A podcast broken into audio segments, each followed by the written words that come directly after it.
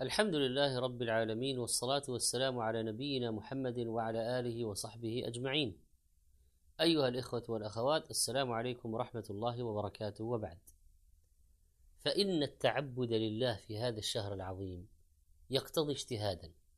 وليست القضية حماسة في أول الشهر ثم فتور، وإنما جهاد النفس للاستمرار في العبادة. وإذا دنت العشر أعد المسلم العدة لمزيد من الاجتهاد.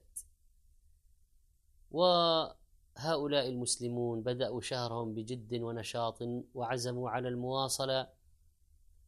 وجاءت العشر الأخيرة ليزدادوا نشاطا ويزدادوا عبادة ويتحروا ليلة القدر. كانوا قليلا من الليل ما يهجعون. وبالأسحار هم يستغفرون.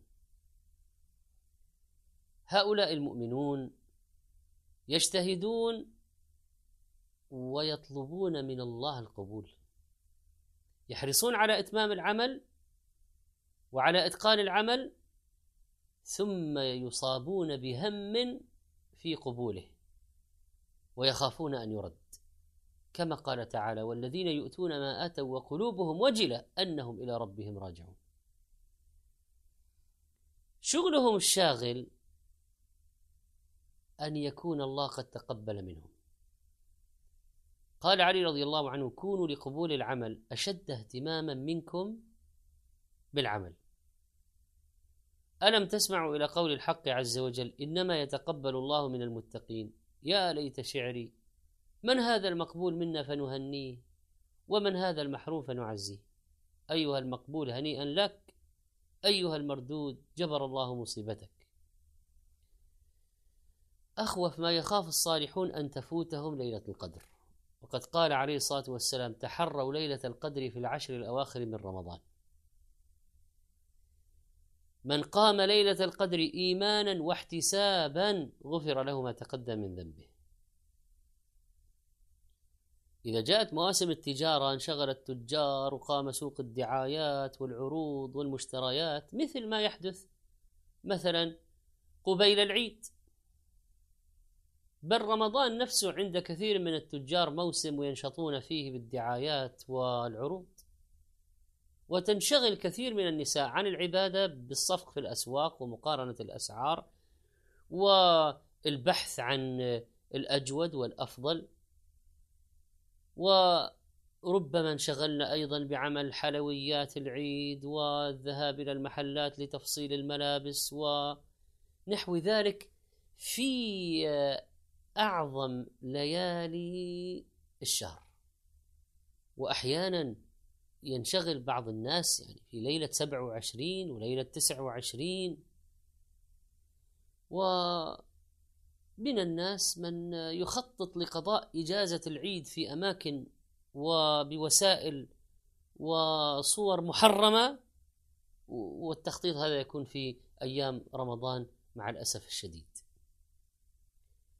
أين ذلك الاجتهاد الذي كان النبي صلى الله عليه وسلم لنا قدوة فيه؟ كان رسول الله صلى الله عليه وسلم يجتهد في العشر الأواخر ما لا يجتهد في غيره. كان النبي صلى الله عليه وسلم إذا دخل العشر شد مئزره وأحيا ليله وأيقظ أهله.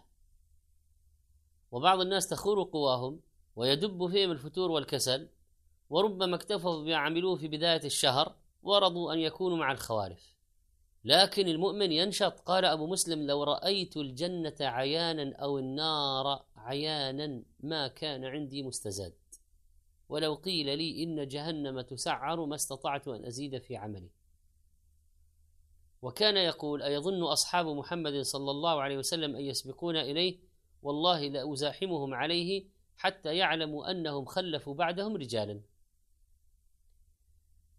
وفي حديث كان النبي عليه الصلاة والسلام إذا دخل العشر شد مئزرة وأحيا ليلة وأيقظ أهله أخذ منه العلماء الحث على تجويد الخاتمة وأن يحسن الإنسان ما سيختم به شهره لأن حسن الخاتمة عند الله له مكانة عظيمة. يا أيها الراقد كم ترقد؟ قم يا حبيبا. فيا عبد الله اهجر فراشك وسارع إلى مصلاك وحث أهلك وأيقظهم. أيقظ أهله. يعني أن الاجتهاد في العبادة ليس مقتصرا على النفس والإنسان يريد الخير للآخرين. وأقرب من يتمنى لهم هذا الخير هم أهله أقرب الناس إليه. ولذلك كان النبي صلى الله عليه وسلم يقول من يوقظ صواحب الحجرات؟ وهذا يتطلب المتابعة والملاحقة وهذا يتطلب التواصي والحث وهذا يتطلب أن يكون الإنسان وهو في أجواء الطاعة غير ناس لأولاده لزوجته حتى لمن يعمل عنده.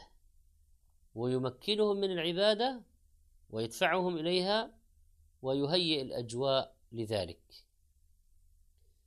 رحم الله رجلا قام من الليل فصلى وأيقظ امرأته فإن أبت نضح في وجهها الماء. رحم الله امرأة قامت من الليل فصلت وأيقظت زوجها فإن ابى نضحت في وجه الماء. رواه أبو داود وحديث صحيح.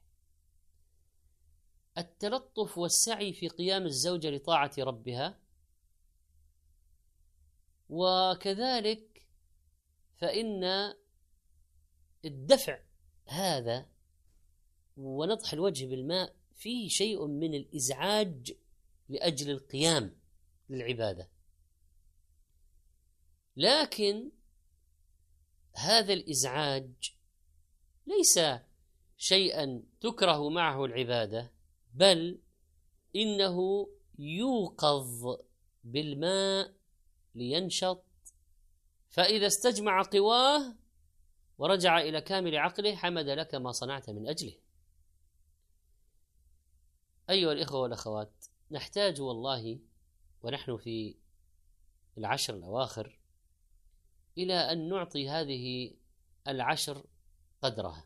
وبدلا من الدخول في متاهة آه، شراء كذا واحصل على كذا مجانا ولا أن يهرع الناس إلى الأسواق في الليالي الفاضلة فليهرعوا إلى المساجد. يعني حديث أحب البلاد إلى الله مساجدها وأبغض البلاد إلى الله أسواقها يدفعنا إلى أن نراعي أن نكون في هذه الأيام الفاضلة مسارعين للمساجد مرابطين في المساجد وأفضل الأوقات وأحبها إلى الله. تقضى في أبغض الأماكن إلى الله؟ كيف هذا؟ وكذلك فإن حديث النبي عليه الصلاة والسلام شد المئزر يدل على تباعده عن النساء وهمه الآن في العبادة. والمؤسف أن نجد أن بعض الناس الآن همهم في الشراء ومتابعة الأسواق وكأنه يباعدهم من العبادة. ومن فرط فيما سبق فينبغي أن يغتنم ما بقي. واجبروا ما مضى بحسن اعتكاف واحتفال بشأنه والتفات. فهو شهر فيه الدعاء مستجاب بنصوص مأثورة عن ثقات فاطلبوا الآن من رؤوف رحيم فيه محو الذنوب والسيئات. وإذا كان النبي عليه الصلاة والسلام يعتكف العشر الأواخر. يعني يلازم المسجد. فما بالنا نلازم الأسواق. الاعتكاف في الليل والنهار. و نجد أن بعض الصائمين في العشر الأواخر يذهبون إلى مكة ولكن يكون في أهله وأولاده والفتيات والشباب من التضييع ومن الوقوع في أنواع المحرمات غير مبالين بحرمة المكان والزمان وآباؤهم وأمهاتهم قد أهملوهم وربما ذهب الأب والأم إلى الحرم والبقية يعيثون فسادا في الأرض حول الحرم. في أطهر بقعة وبعض الناس يضيعون أولادهم بمثل هذا. ربما يكون بقاؤه في بلده وأولاده تحت نظره أولى من هذا التضييع.